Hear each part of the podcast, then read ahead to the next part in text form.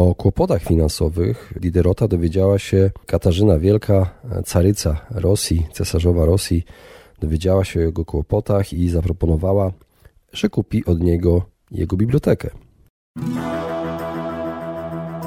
Jak odnaleźć się w finansach? Jak sprawić, by pieniądze służyły realizacji naszych celów życiowych? Na te oraz inne pytania odpowiadają goście podcastu Po ludzku o pieniądzach, którego partnerem jest Generali Investments TFISA i który mam zaszczyt prowadzić.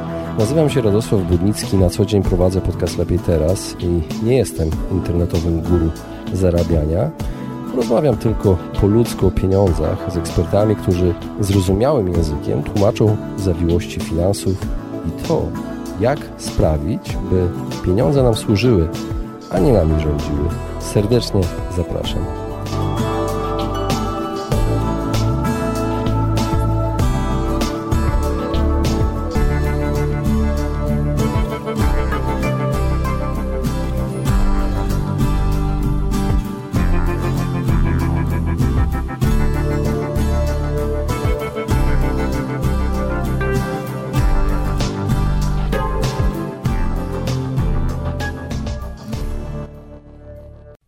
Nazwany wiekiem rozumu lub wiekiem filozofów lub epoką świateł.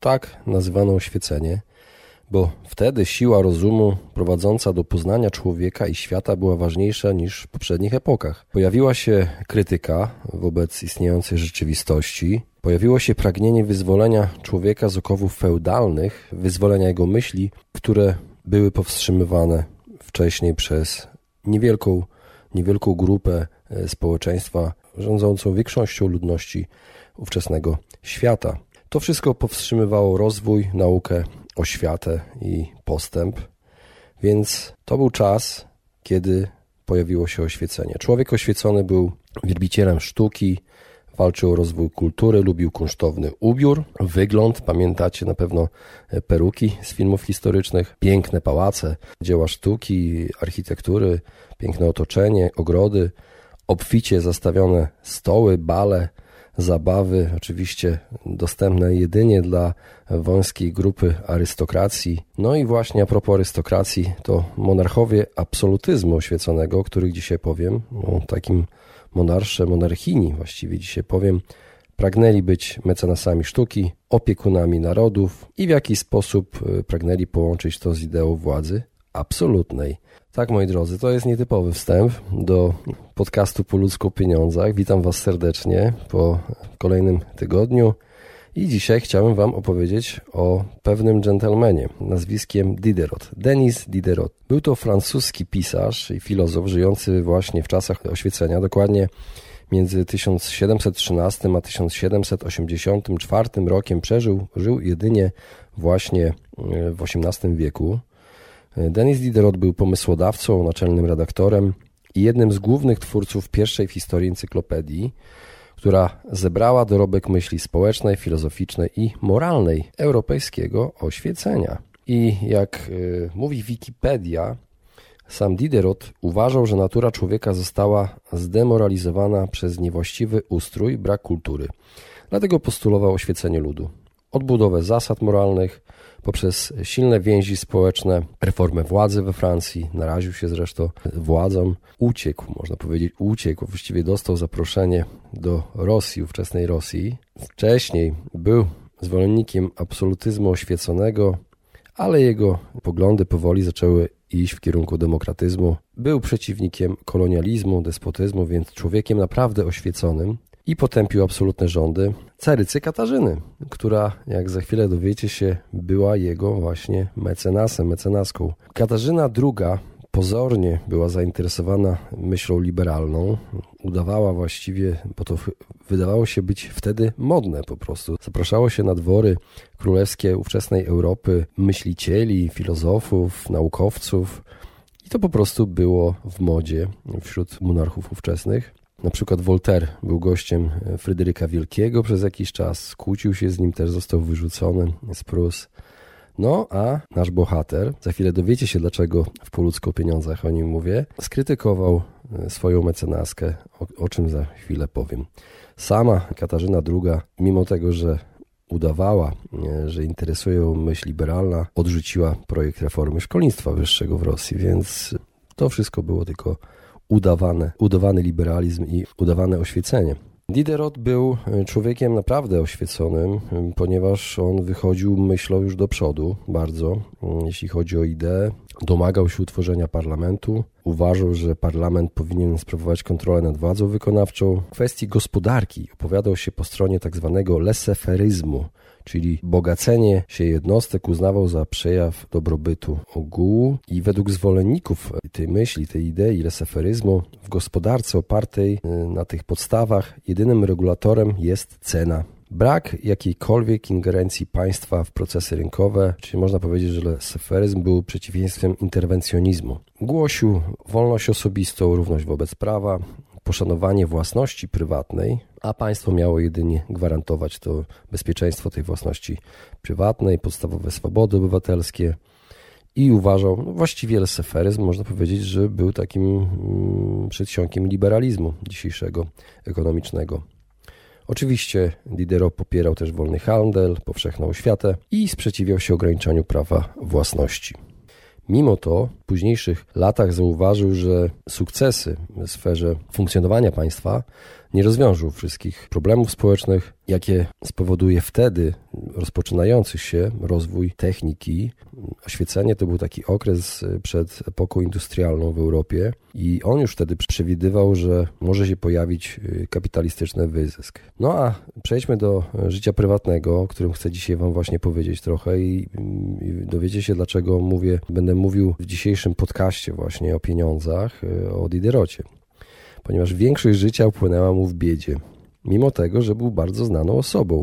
W wieku 52 lat to się zmieniło. Otrzymał niesamowitą szansę. W 1765 roku jego córka miała się pobrać, ale nie było go stać na posag. Pomimo braku bogactwa, Diderot był bardzo znany w całej Europie, ponieważ był współzałożycielem pisarzem, współtwórcą encyklopedii, jednej z najbardziej wszechstronnych encyklopedii tamtych czasów. I o kłopotach finansowych Diderota dowiedziała się Katarzyna Wielka, caryca Rosji, cesarzowa Rosji, dowiedziała się o jego kłopotach i zaproponowała, że kupi od niego jego bibliotekę.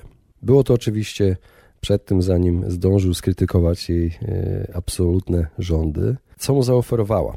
Zaoferowała mu całkiem duże pieniądze w zamian za właśnie ten księgozbiór.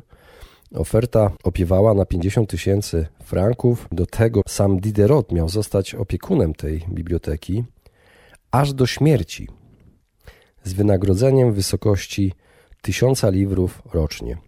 Więc yy, zapłaciła mu nawet 50-letnie wynagrodzenie z góry. A Diderot y, nienawidził podróżowania, mimo, ale w momencie, kiedy otrzymał e, list od carycy e, Katarzyny i zaproszenie, postanowił ją odwiedzić. Więc wsiadł do dyliżansu, który był eskortowany przez oficerów armii rosyjskiej i z Francji aż do, do Rosji, do Sankt Petersburga został, można powiedzieć, e, przeeskortowany przez oddział specjalny armii rosyjskiej 9 października 1773 roku. Dotarł do Petersburga i od razu spotkał się z Katarzyną. Odbyli kilka dyskusji na różne tematy i podczas pięciomiesięcznego pobytu na jej dworze spotykał się z nią prawie codziennie. I podczas tych rozmów, jak później stwierdził, pisał, rozmawiali ze sobą jak mąż z mężem. Tak można powiedzieć, tak wtedy używano takich sformułowań. Od czasu do czasu podkreślał to, co mówił, klepiąc ją po udach. A skąd wiemy o tym? Wiemy to z listu Madame Geoffrin. Katarzyna pisała, że Twój Diderot to niezwykły człowiek. Moje rozmowy z nim skutkują moimi obitymi i całkiem czarnymi udami. Byłam zobowiązana postawić między nami stół, aby chronić siebie i swoje członki. No, także tak wyglądały spotkania i żywe rozmowy Katarzyny Wielkiej z Denisem, ze słynnym Denisem Diderotem, współautorem encyklopedii. I po powrocie do Francji Diderot poprosił cesarzową o 1500 rubli jako zwrot kosztów podróży.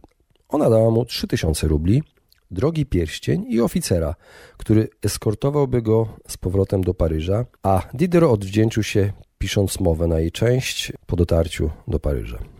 W 1766 roku, kiedy Katarzyna usłyszała, że Diderot otrzymał rocznej opłaty za edycję encyklopedii, ważnego źródła dochodu dla filozofa, mimo tego, że Katarzyna tak hojnie obdarowywała naszego mistrza, jak można dowiedzieć się z dzieła jego właśnie autorstwa pod tytułem Żale nad starym szlafrokiem, Diderot nie potrafił skorzystać z tej obfitej finansowo propozycji zbyt mądrze.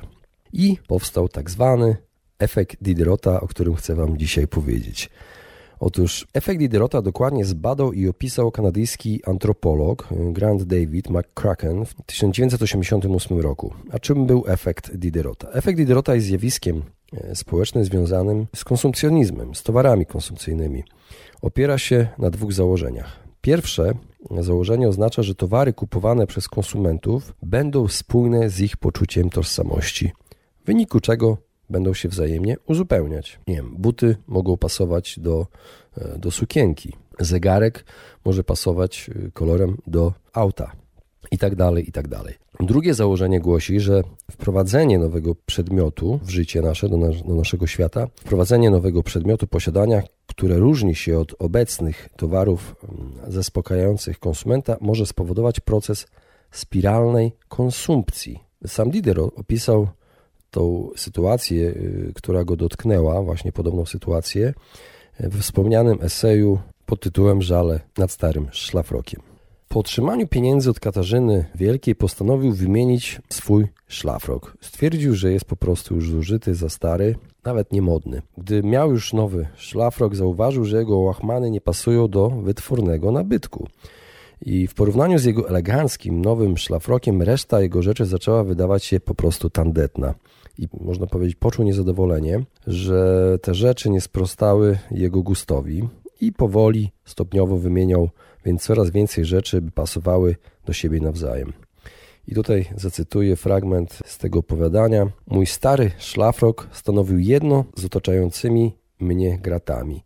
Skrytym słomą krzesłem, drewnianym stołem, wyszywaną tkaniną, sosnową deską podtrzymującą kilka książek, z kilku zakopconymi sztychami bez ram, przyczepionymi na rogach do tejże tkaniny. Pomiędzy tymi sztychami kilka zawieszonych gipsów tworzyło wraz z moim starym szlafrokiem najbardziej harmonijny obraz ubóstwa. Także co jeszcze zrobił nasz bohater? Stare krzesło zamienił na fotel obity marokańską skórą, biurko zastąpił drogim stołem, chodnik wymienił na dywan prosto z Damaszku, oczywiście musi być z daleka, nad kominkiem umieścił lustro, kupił rzeźby, zegar i poszło tak dalej, tak dalej. Wpadł w spiralę wydatków na dobra luksusowe i pieniądze szybko się skończyły. W ten sposób dążenie do bycia spójnym estetycznie pogrążyło Diderota finansowo. Jak sam pisał o sobie, byłem absolutnym mistrzem mojego starego szlafroka, ale stałem się niewolnikiem mojego nowego. Strzeż się skażeniem nagłym bogactwem. Biedny człowiek może uspokoić się, nie myśląc o pozorach, ale bogaty jest zawsze pod presją. Moi drodzy, efekt Diderota pojawia się, gdy chcemy podciągnąć nasz poziom wyżej i dostosować go właśnie do naszych na przykład wyższych dochodów.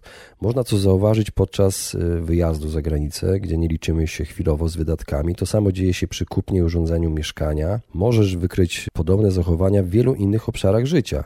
Kupujesz nową sukienkę, teraz musisz dopasować buty, kolczyki. Kupujesz członkostwo w drogim, ekskluzywnym klubie CrossFit i wkrótce płacisz za sprzęt. Rolki z pianką, rękawy na kolana, opaski na nadgarstki, jakieś plany posiłków wysyłkowo wysyłanych tobie pod drzwi i tak dalej, i tak dalej.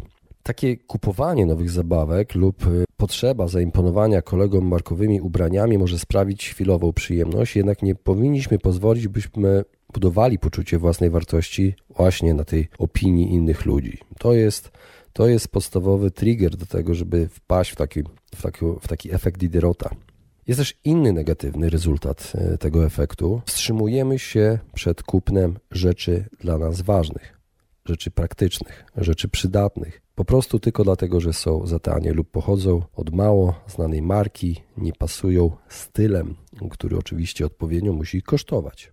No cóż, wiemy już jak, y, na czym polega ten efekt Diderota, no ale jak się z niego wyleczyć, jak y, jemu zapobiec. 2000 lat temu Epiktet, y, mój ulubiony stoik, niewolnik, pisał, właściwie mówił na swoich wykładach co zostało spisane w Enchiridionie. Punkt 44. Cytuję. Niedorzeczne jest rozumowanie tego typu. Ja jestem bogatszy od ciebie, a zatem ja jestem również lepszy od ciebie. Albo ja jestem obrotniejszy w języku od ciebie, a zatem ja jestem również lepszy od ciebie. Już raczej o wiele słuszniejsze jest rozumowanie tego rodzaju. Ja jestem bogatszy od ciebie, a zatem moja majętność jest również lepsza od twojej. Ja jestem obrotniejszy w języku od ciebie, a zatem ta moja sprawność mówienia jest również lepsza od twojej. Wszelako ty z pewnością nie jesteś ani majętnością, ani sprawnością mówienia. Moi drodzy, rzeczy nas nie definiują. Posiadane przedmioty nie decydują o tym, kim jesteś. Nie staniesz się bardziej wartościowym człowiekiem, bo masz droższy zegarek. Więc nie warto gonić za sztucznym, sztucznie wywołanym statusem społecznym. I kolejny fragment słynnego Enchiridiona. Ilekroć zrodzi się w tobie wyobrażenie jakiejś rozkoszy zmysłowej, to podobnie jak przy wszelkich innych wyobrażeniach miej się na straży, żeby cię ono nie porwało ze sobą. Niechaj ponęta chwileczkę zaczeka na ciebie, a ty tymczasem skorzystaj z tej krótkiej zwłoki, a następnie uprzytomnij sobie te dwa momenty. Jeden, kiedy będziesz zażywał rozkoszy, a drugi, który po nim nastąpi, kiedy już zażywszy rozkoszy, będziesz czuł skruchę i sam sobie czynił wyrzuty. A jednocześnie tym właśnie udręką przeciwstaw w myśli, jak to ty się radować i chwalić sam siebie będziesz, jeżeli oprzesz się rządzy. Jeżeli już jednak i same okoliczności wydają ci się zezwalać na to, żeby się oddać chwilowo rozkoszy zmysłowej, miej się na straży, by cię nie pokonały jej czar, słodycz i złuda, ale pomyśl dla przeciwwagi, o ile większym dla ciebie jest dobrem świadomość, żeś wywalczył tak wielkie zwycięstwo. Tak, warto wybrać mądrzejszą drogę, która przyniesie korzyści w długim terminie. Niech naszym wrogiem y, będzie krótkotrwała przyjemność, o której pisał Epiktet. Dobrym przykładem tego jest odmawianie sobie jedzenia słodkości lub rezygnacja z jedzenia mięsa. W rezultacie stajesz się osobą zdrowszą, silniejszą, doświadczasz stoickiej radości, tak można, tak można to nazwać. Warto uświadomić sobie, że efekt Didierota jest bardzo silny, a pokonanie go jest bardzo trudne. Na początku możesz uniknąć kupna nowych foteli, ale ostatecznie w pewnym momencie załamiesz się i kupisz nowe, które lepiej pasują do nowej kanapy. Są chwile, kiedy mamy y, uzasadnioną potrzebę kupowania nowych rzeczy, ale najlepszym sposobem na pokonanie efektu Diderota jest niedopuszczenie, aby nami zawładnął. Co możemy zrobić, żeby zapobiec y, temu efektowi? Przede wszystkim warto planować zakupy, zastanowić się, czego naprawdę potrzebujemy, nie robić ich impulsowo, obserwować, kiedy wciągamy się w tą spiralę konsumpcji i nie kupować czegoś, kiedy tego czegoś nie potrzebujemy. Warto sprawdzić, czy faktycznie potrzebujesz przedmiotu, albo po prostu, czy chcesz coś nowego i tylko e, nowego. Po drugie, ustal budżet na zakupy. Jeżeli szukasz butów do 200 zł, to nie kupuj tych za 700. Kupuj rzeczy e, w swoim zasięgu finansowym. Poczekaj na przecenę. Warto kupić to samo, taniej, to nie jest wstyd. Po trzecie, zrób listę zakupów. Weź tę listę ze sobą na zakupy i trzymaj się jej. Jest e, sporo list zakupów. Ja sam korzystam z takiej aplikacji Listonik. E, można dzielić się też e, tą listą z innymi osobami poprzez maila i na przykład, nie wiem, współmałżonek może ze swojego telefonu dopisywać tą listę. Ty będziesz miał, miała tę listę na, na swoim telefonie cały czas, update'owaną, aktualizowaną.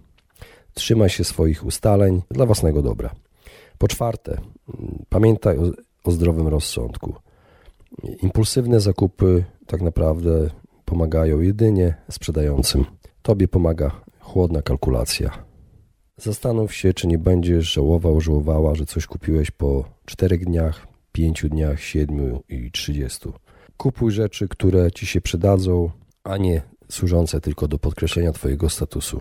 I przestań starać się robić na innych wrażenie posiadaniem różnych rzeczy. I zacznij robić wrażenie swoim życiem i swoją postawą, sposobem, w jaki podchodzisz do ludzi, w jaki sposób z nimi rozmawiasz. Tak jak mówiłem wcześniej, trzeba uważać na sztuczki sprzedawców, by nie być wrażliwym na presję otoczenia. Efekt Diderota jest e, świetnie wykorzystywany przez e, różnych markowych producentów, na przykład twórcy iPhone'a, czyli Apple, koncern Apple powoduje, że kiedy ktoś posiada iPhone'a, to automatycznie e, sprawia to potrzebę posiadania MacBooka albo iPada, iWatcha i tak dalej, i tak dalej. Więc widzimy takie osoby i chodzące, wyposażone we wszystkie sprzęty e, z jabłuszkiem. Tę samą technikę stosuje IKEA, tworząc symulację mieszkań, pokoi, które odwiedzamy właśnie w tych dużych sklepach IKEA, wyposażonych w sprzęt i meble, które do siebie pasują wyglądem, standardem, ceną, półką cenową. Więc jak kupisz jedno, musisz kupić też drugie i resztę i tak dalej. Unikaj kraju syren. Tak, moi drodzy, to jest słynne zdanie, które powiedział Miłosz Brzeziński, który wystąpił w podcaście Po ludzko o pieniądzach wcześniej. Możecie znaleźć e, tę rozmowę, świetną rozmowę na temat unikania pokus. Warto ograniczyć wystawianie się na pokusy, tak, tak jak to zrobił Odyseusz, y, zatykając woskiem uszy swojej załogi i każąc się przywiązać do masztu. Prawie każdy nawyk jest inicjowany przez wyzwalacz i jednym z najszybszych sposobów zmniejszenia mocy efektu Diderota jest właśnie unikanie tych wyzwalaczy nawyku, którego uruchamiają. Możesz anulować subskrypcję komercyjnych wiadomości, e-mail, zrezygnować z wysyłek katalogów, nie zaglądać do gazetek zakupowych y, w skrzynce pocztowej, od razu je wyrzucać. Więcej czasu spędzaj w lesie niż w centrum handlowym. Już można. Ogranicz ekspozycję na reklamę. Im więcej czasu poświęcasz na y, konsumowanie reklam y, nowych produktów, tym bardziej będziesz chciał te produkty mieć. Unikaj mediów społecznościowych, YouTube'a, telewizji, platform, które każą ci oczyszczać twój portfel z pieniędzy. Prawdziwej wartości życia nie ma w rzeczach, które posiadasz. I majątek nie określa ciebie ani twojego sukcesu. Nowy szlafrok obiecywał Diderotowi wolność i przyjemność, a stał się dla niego więzieniem. Także warto pamiętać. Zrób detoks. Przez jeden miesiąc staraj się nie kupować czegoś nowego. Zamiast kupować, pożyczaj. Zrób sobie właśnie ten detoks. Przestań przeglądać sklepy internetowe. Oceń, co masz w szafie, i polub te przedmioty, które masz. Odkurz coś starego. Daj nowe życie jakiejś, jakiejś sukience albo płaszczowi, albo swetrowi. Ciesz się małymi rzeczami, kawą w domu, czasem z rodziną. Wykorzystuj swój czas bardziej wydajnie. I pamiętaj, że posiadanie przedmiotów Ciebie nie definiuje. Kupując drogie przedmioty, wydaje nam się, że kupujemy związane z nimi bezpieczeństwo, poczucie zaspokojenia, ale to zaspokojenie mija bardzo szybko. Jedyne, co zyskujemy, to utratę pieniędzy i uszczuplenie tego bezpieczeństwa, którego tak bardzo szukaliśmy poprzez zakup. Dodatkowo tracimy czas, tracimy energię. Nowe przedmioty wymagają niekończącej się konserwacji, czyszczenia, naprawy, wymiany, kradną cenną uwagę. Ludzie nie zmienili świata ślepo podążając za kupnem nowych rzeczy. Przedmiotami możemy zaimponować jedynie na krótką chwilę, ale nigdy nikogo nimi nie zatrzymamy przy sobie ani nie zainspirujemy do czegoś pięknego. Ludzie, którzy żyją w pogoni za coraz nowymi rzeczami, nigdy nie będą zadowoleni. Zawsze zapragną nowszych, szybszych lub większych lub droższych, ponieważ dobra materialne nigdy nie zaspokoją naszych najgłębszych pragnień. I Twoje życie jest zbyt cenne, aby marnować je na gromadzenie przedmiotów. Znać wartość w lepiej niż w więcej. I pozwólcie, że na koniec zacytuję fragment książki Williama B. Irwina pod tytułem O pragnieniu, czyli dlaczego chcemy tego, czego chcemy. Irwine zabiera swoich czytelników podróż po impulsach, pragnieniach, potrzebach, pokazując skąd pochodzą te uczucia i jak możemy je powstrzymywać. Załóżmy, że obudziłeś się pewnego ranka, aby odkryć, że jesteś ostatnią osobą na Ziemi. W opisanej sytuacji możesz zaspokoić wiele materialnych pragnień, których nie możesz zaspokoić w naszym rzeczywistym świecie. Możesz mieć samochód swoich marzeń, możesz nawet mieć salon pełen drogich samochodów, możesz mieć dom swoich marzeń lub mieszkać w pałacu, możesz nosić bardzo drogie ubrania, możesz zdobyć nie tylko duży pierścionek z brylantem, ale sam diament nadziei – jednak pytanie brzmi, czy bez ludzi obok ciebie nadal chciałbyś tych rzeczy? Moi drodzy, to już jest koniec dzisiejszego odcinka. Pozostawiam Was z tym cytatem i życzę Wam wszystkiego dobrego i dużo zdrowia. Do usłyszenia.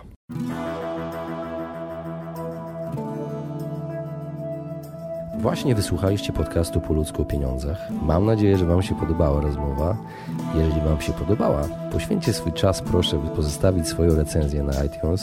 Jeżeli macie pytania lub e, propozycje dotyczące kolejnych audycji, piszcie do mnie na fanpage'u Po ludzku o pieniądzach i do usłyszenia w następnym razem.